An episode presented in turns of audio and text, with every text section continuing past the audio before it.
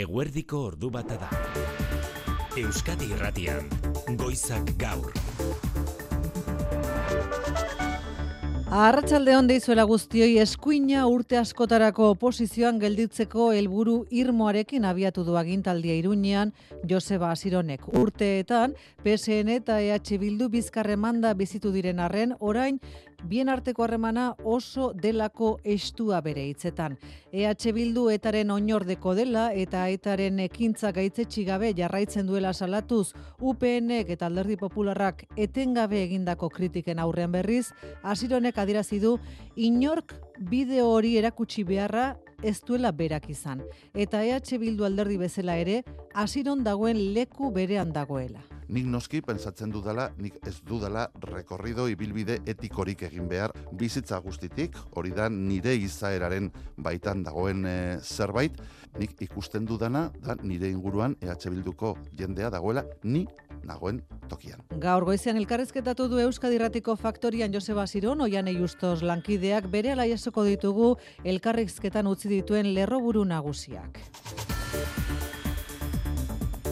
Gainerako lerroburuetan xikerresnal, arratsaldeon. Arratsaldeon maite. Lan arloan gazteizko Michelinen ekoizpena era bat gelditu egingo dute datorren ekainaren amairuan eta amalauan itxaso gorriko gatazkak eragindako kautxo faltagatik. Ekainan ez ezta, xiker? Urtarrilean. Urtarrilean. Bederatzeun eta hogei langileri eragingo dio ekoizpenaren eten horrek eta lantegiak berrogei mila neumatiko egiteari utziko dio. Lasarteko lantegian berriz ordu honetan elkartuta daude zuzendaritza eta sindikatuak kautxu faltak bertako lantegian ze ondorio izango dituen aztertzeko. Arratsaldeko ordubietan goiza gaur albistegian espero ditugu labeko ordezkariak gai honen inguruan hitz egiteko gazteizko tubizako lan gatazkaren konponbidea urruntzen ari da eta langilek greba eta mobilizazio gehiago iragarri dituzte urtarrilaren zortzitik aurrera. Astelen, asteazken eta ostiral guztietan lau orduko lanuztiak egingo dituzte goizeko bostetatik bederatzietara, otxailean astelenetik ostiralera zabalduko dituzte lanuztiak eta martxoan berriz greba mugagabea. Maider Etxebarria Gasteizko alkateak errespetu hartu du langileen erabakia,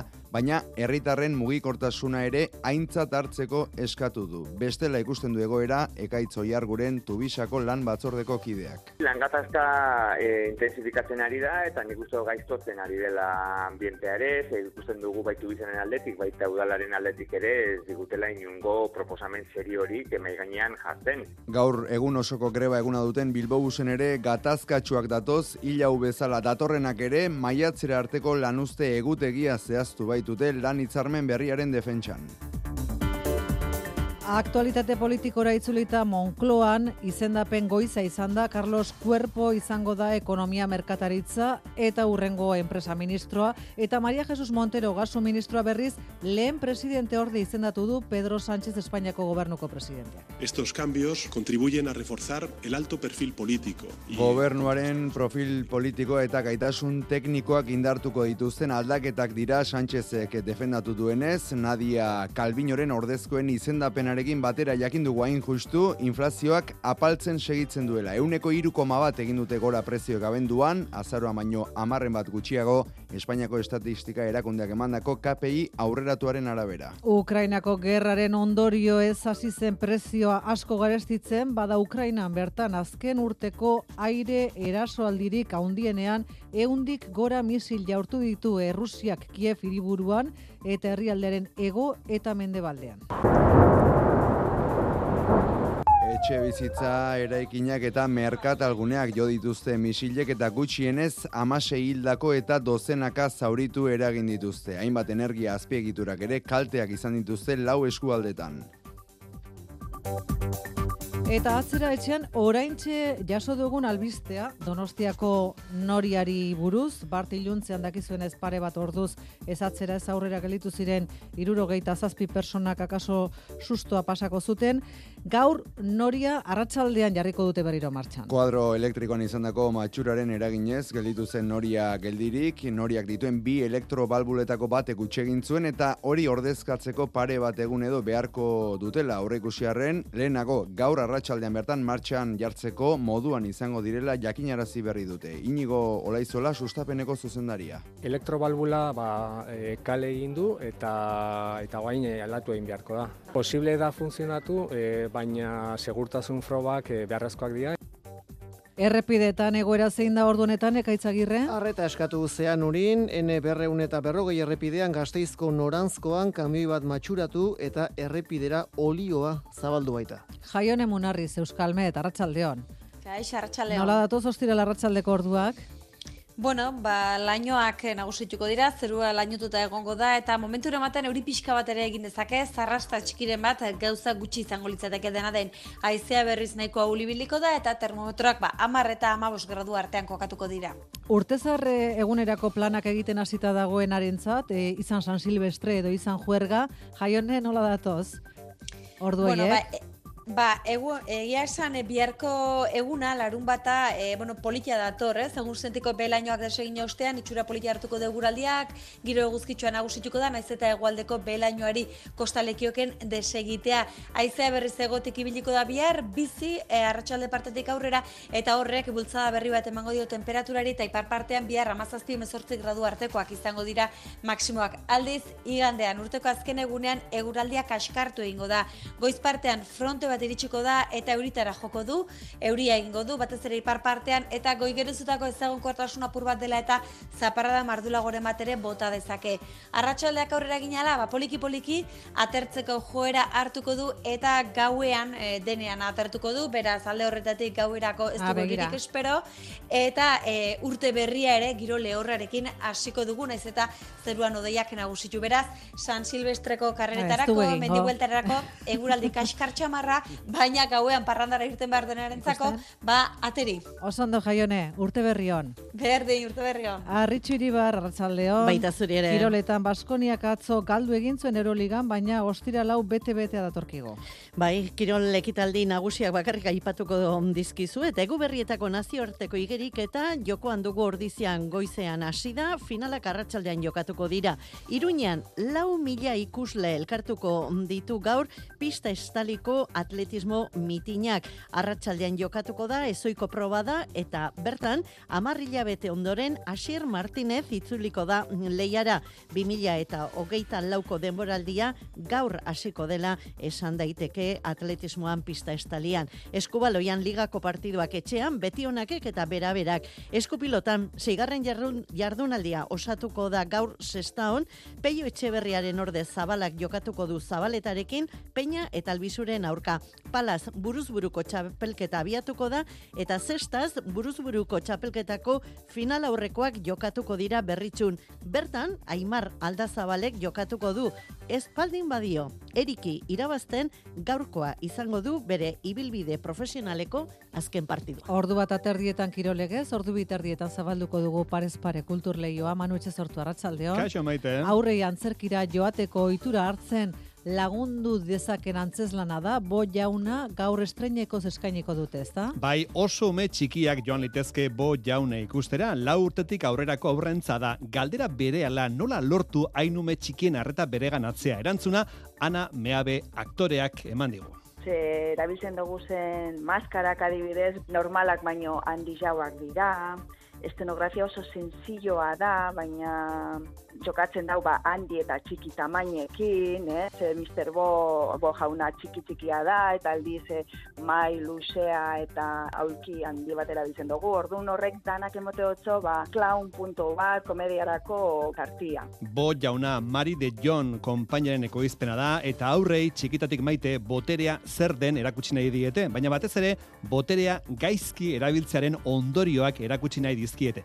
Antzez lanaren estrenaldia gaur izango da leioan eta ondoren emanaldiak izango dituzte urtarrilean, amorebietan iruan, sopelan lauan, getxon amalauan, eta aurrerago, eibarren, arrigorriagan eta lezon baita. Ordu bata eta bederatzi leire karrera eta xabi iraola teknikan eta errealizazioan. Euskadi irratian, goizak gaur.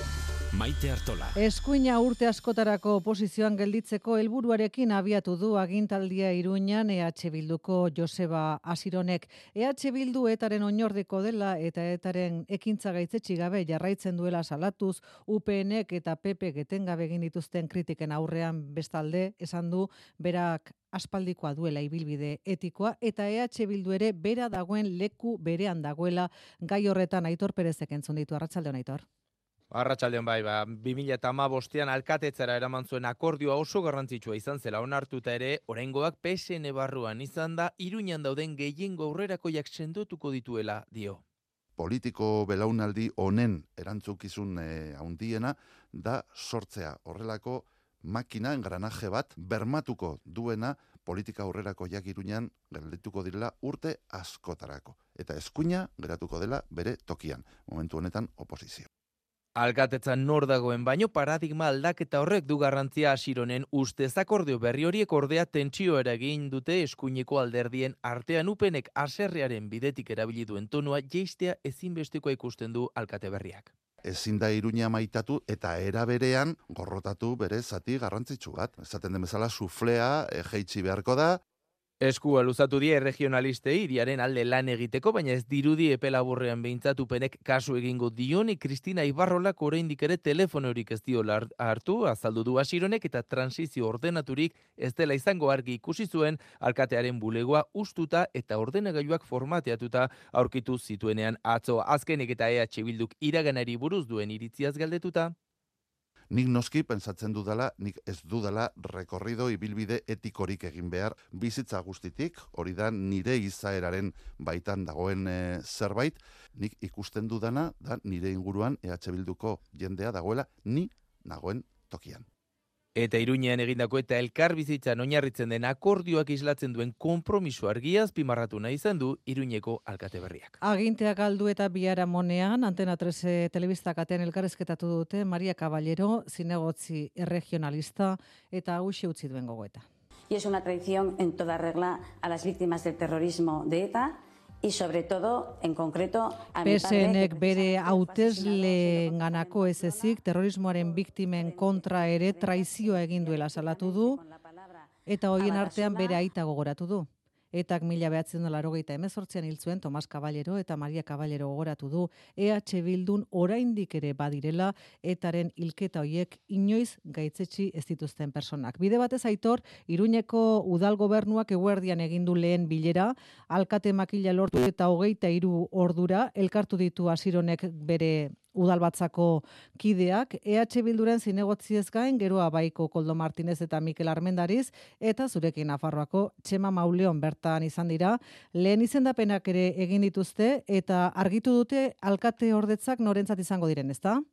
Bai, aurreratu dezakegu hiru alkate ordetza izango direla eta hiruak EH Bilduren esku geldituko dira lehen alkate ordetza Garbine bueno hogasun zinegotziarentzat bigarrena Jose Abaurreak irigintza zinegotziak bere gain hartuko du eta hirugarrena Maider Beroki kultura zinegotziarentzat izanen da. Jose Basironen atzetik hauteskunde zerrendan zijoazen hiru zinegotziak dira eta Abaurrearen kasuan Hasironen aurreko agintaldian ere alkate ordelanak egin zituen. Bestela bilera teknikoa izan da udalbarruko hainbat izendapen egiteko momentu zerabakirik ez dagoen arren datozen egunetan el daitezke etxe bizitzari eta etxe gabeen inguruko lehen erabaki horiek hasironek berak lehentasuna eman die bigaiei eta urtarrila hasierarekin batera dagoeneko prest duten etxe bizitza planaren xetasunak emateaz gain kalean lo egin behar izaten duten pertsonentzako irtenbideak lortzeko urratsak eman nahiko lituzkete. Testu inguru honetan hitza emateraino iritsi da gaurreneko handu eza sozialisten idazkari nagusia sekuela ez duela EH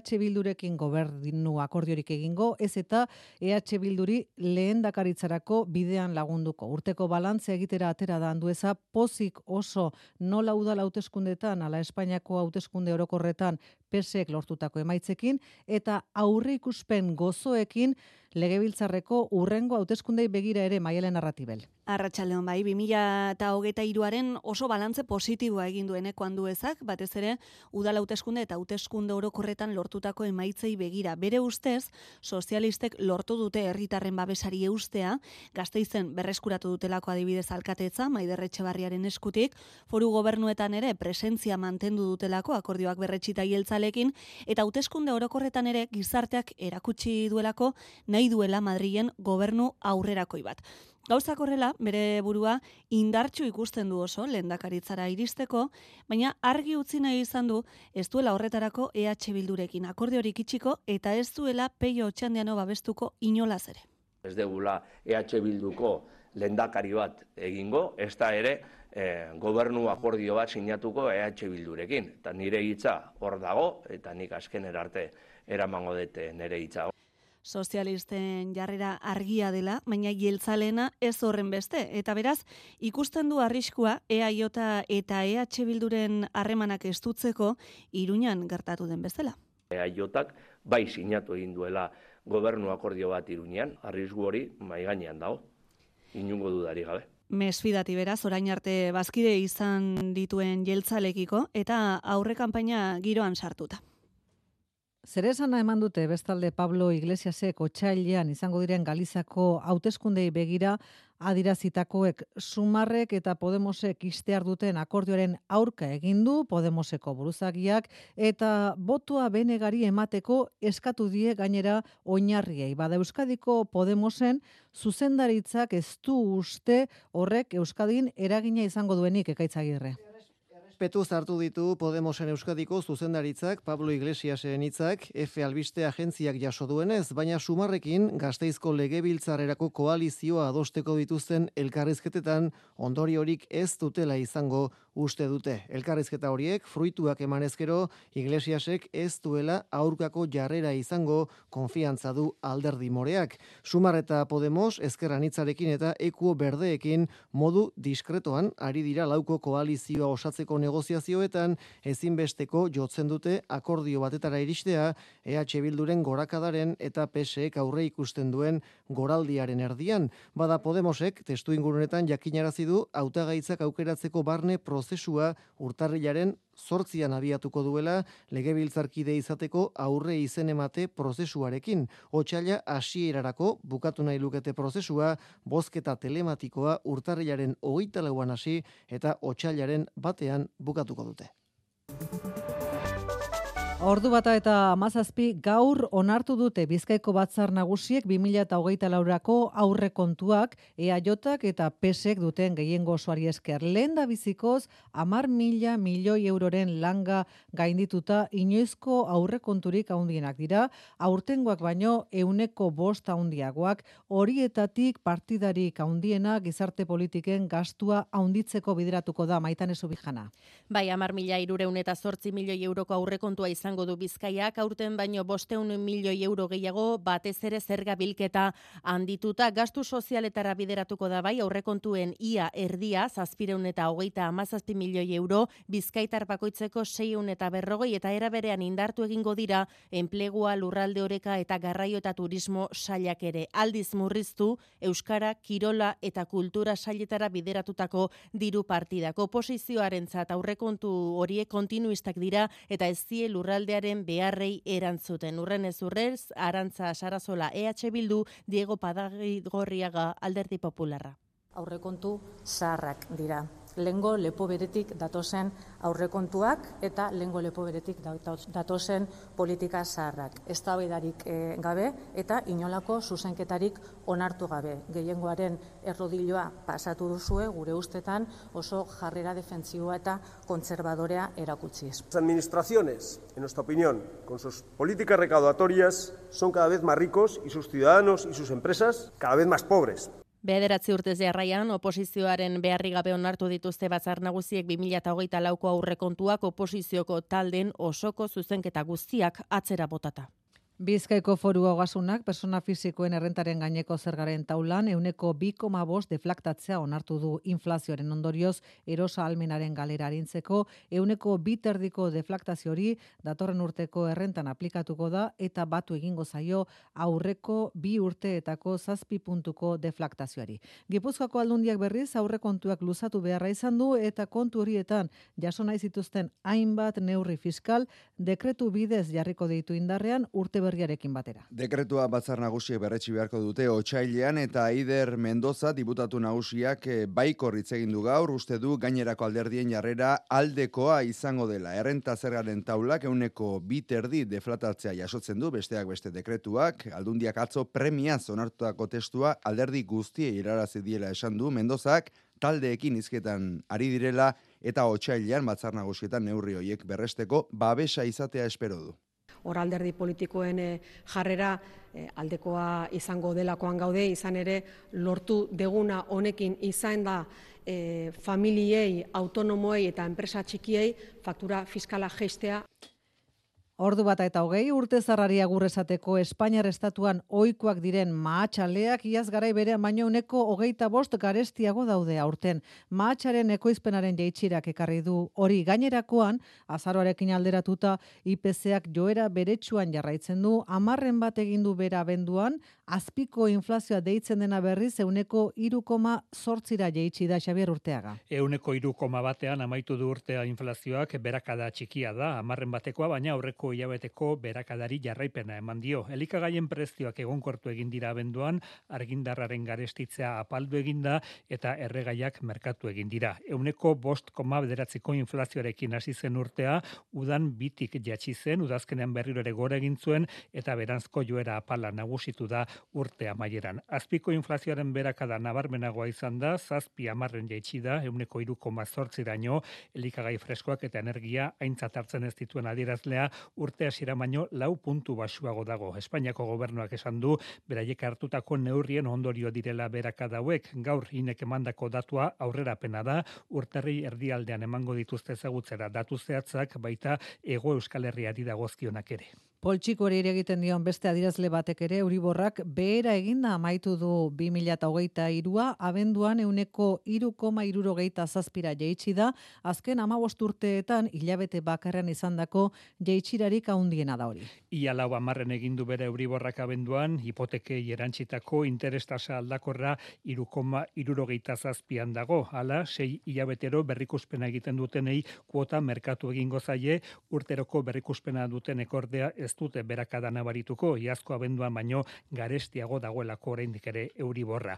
Abenduko datua joera aldaketaren abia puntu izan daitekela uste dute adituek, izan ere Euriborrak etengabeko iguera izan du azken 12 hilabetetan. Euneko 3,33an hasi zuen urtea, abuztuan 19 hilabete eta gero bere egin zuen lehendabizikoz, baina azoran euneko 4,1 batera iritsi zen 2008an finantza krisi betean izandako balioarekin parekatuz. Euriborrak urtea euneko lauaren langa gatik bera amaituta eta Europako Banku Zentralak interestasen iguerari galga jarriko diola horri ikusita 2008 lauan Euriborraren ziklo aldaketa iragarri dute adituek. Ba gaur eguerditik Carlos Cuerpo da Espainiako ekonomia ministroa ekonomian doktorea bi urte egin ditu altxorraren estatu idazkare gisa eta Europako ekonomia ministroen negoziazioetan esate baterako ikusten ez den eta ezinbestekoa den lan hori egin dio Calviño ministroari akordiotarako lurzorua prestatu. Zesate baterako, Europako batasunean, Espainiak izan duen presidentzi karguan, edota zer garauen erreforman lan oso garrantzitsua eginda. Kalbinoren xerpa izatetik, hortaz politikaren lehen lerrora igo da, esan bezala, Carlos Cuerpo izaro baz, arratsaldeon. Arratsaldeon bai. Kota iguzu izaro. Bai, Carlos Cuerpo da gaurtik aurrera ekonomia gaietako ministro berria, Koalduñaren kolaboratzaile ostua, ekonomia ministerioaren altzorraren idazkari nagusia izan da gaur arte, Cuerporen profila presidentak bera Pedro Sánchezek gora ipatu du, Estremadurakoa da, eta ekonomian doktorea Cuerpo 2008an hasi zen ekonomia ministerioalanean, ordutik altzorraren idazkari nagusia izan da Kalbinoren zuzendaritzapean. E, dagoeneko erregaren aurrean hartu dukarkoa Cuerpoc.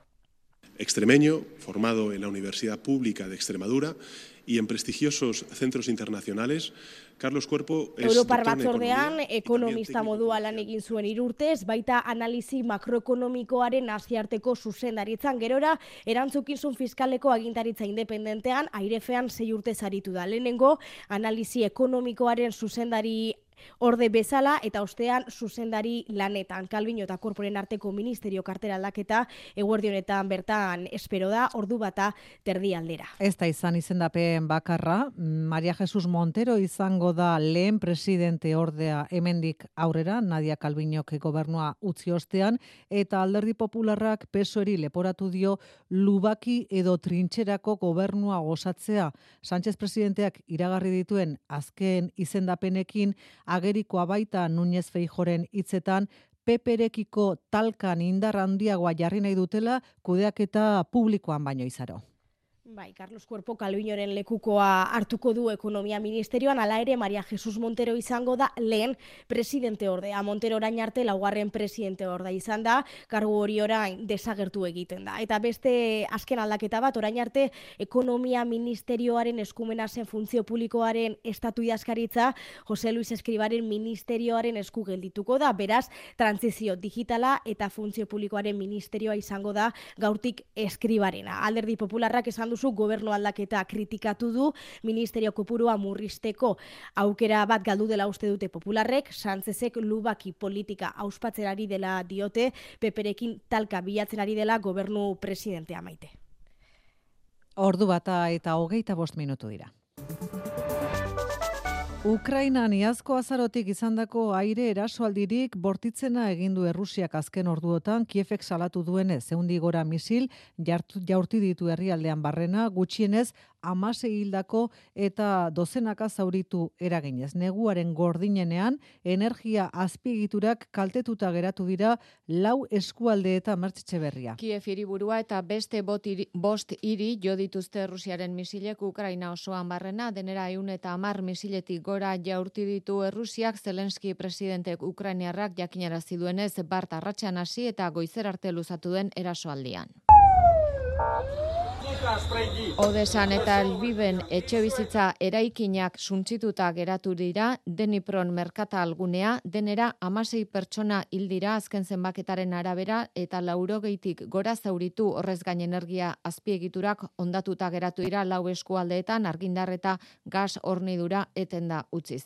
Nazio batuen erakundeak gaitzetsi egin du Ukrainako hirien aurka Errusiak egindako erasoaldi krudela, salatu du ikastetxeak, erietxeak eta garraio zerbitzuak kaltetu dituztela eta gogoratu nazioarteko legediak debekatuta dituela zibilen kontrako eraso indiskriminatuak. Ukrainako agintarien arabera erasoaldia frogatzen du ez dagoela zer negoziaturik Errusiarekin. Errusiaren eraso aldi horrekin bat etorri ze gainera Poloniako aire eremuan identifikatu gabeko objektu bat atzeman dute bertako radarrek Poloniako armadak ala baiestatu du. Gazan bien bitartean hogeita bat mila eta bosteun hildako eragin dituzte Israelen erasuek urriaren zazpiaz geroztik, azken egun eratzaren arabera, eta beste zenbaki hau ere aintzat hartzeko modukoa da. Gazako herritarren ia erdia gozete arriskuan dagoela jakinarazi du errefuxiatu palestinarren ardura duen unra erakundeak. Gazako herritarren euneko berrogei zer jani gabe dagoela eta alarma gorria piztu du nazio batuen erakundeak desesperazioak bultzatuta laguntza humanitarioarekin sartzen ari diren kamioi bakanak inguratu eta bertara igotzen ari dira herritarrak janedana zerbait lortzeko aleginean. Bitartean azken hogeita laborduetan ia berreun hildako utzi dituzte Israelen erasoek, Gaza erdialdeko errefuxiatu guneak eta Rafajeko erietxe kubaitiarra jo dituzte besteak beste bombek. Egoera honetan Kairora joatekoak dira gaur Hamaseko eta Aginte Nazional Palestinarreko ordezkariak Egiptoko gobernuak mai gainean jarri duen bake plana aztertu asmoz. Eta bestetik ekialde hurbileko gatazkarekin lotuta itsaso gorrian Yemengo utien erasoek sortu duten arriskua dela eta Alemaniako apak Lloyd merkataritza enpresak jakinarazi du desbideratu egingo dituela bere untziak Suezeko ibilbide nagusi hori utzita. Sarreran aipatu dizugu Donostian azkenean gaur arratsaldean zabalduko dutela berriz ere Gabonetako Noria alderdi ederrean segurtasun sistema guztiak ondo gainbegiratu ostean gogoratu atzo matxura baten ondorioz suhiltzaileek atera behar izan zituztela ez atzera ez aurrera gelditu ziren 77 herritar Jose Juan Ugalde. Ohikoa izaten den matxura izan zuen noriak, gesalaren ondorioz elektrobalbula bat ondatu zen. Horrelako bi pieza ditu noriak, eskuan kabitzeko moduko pieza txikiak, bakarrarekin ere jarliteke martxan. Bigarren pieza Alemaniara eskatzekoa zuten asera batean, eta biegunera iristekoa zen, baina gertuagotik ekartzea erabaki dute. Bitartean, eta bakarrarekin martxan jarri aurretik, segurtasun neurri guztiak zorrotz bete nahi ditu donosteko udalak. Inigo Laizola sustapen zuzendaria. Posible da funtzionatu, e, baina segurtasun frobak e, beharrezkoak dira eta hori gabe e, ezin, ezinezkoa da e, martxan jarri. Teknikariek eta suhiltzaileek segurtasun protokoloak behar bezala beteta, seguruenik gaur arratsaldean jarriko dute martxan Donostian Gabonetako noria urtarrilaren azken egunera arte. Arratsaldeko ordu bata terdiak jotzear dira.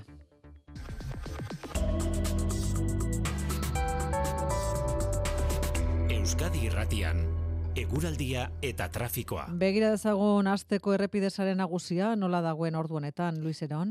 Eragozpen bakarra honetan segurtasun sailaren arabera N240 errepidean zean urin gazteizera bidean kamioi baten matxurak eraginda autopilaketa sortzen ari da. Ertzaintza lekuan dago trafikoa arautzen. Eta hauxe urrengo orduetarako eguraldiaren pronostikoa Euskalmeten eskutik. Zerua deitxo egongo da ratxaldean eta momenturen batean euri pixka bat ere egin dezake eta maksimoak hamar eta mabos gradu artekoak izango dira. Bihar berriz eguraldiak itxura politia hartuko du, egun sentiko belainoak desegin ostean, eguzkita arteak nagusituko dira, baina hori bai, egualdean baliteke belainoek luze irautea. Eta temperatura maksimoak bihar ipar partean, amazazpi edo emezortzi gradur ere iritsiko dira. Igandean ordea urteko azken egunean eguraldiak kaskartu egingo da, fronte bate iritsiko da, eta euri egingo du eta arratsaldeak aurrera egin ala poliki poliki atertu ze joango da. Urte berria giro lehorrarekin hasiko dugu.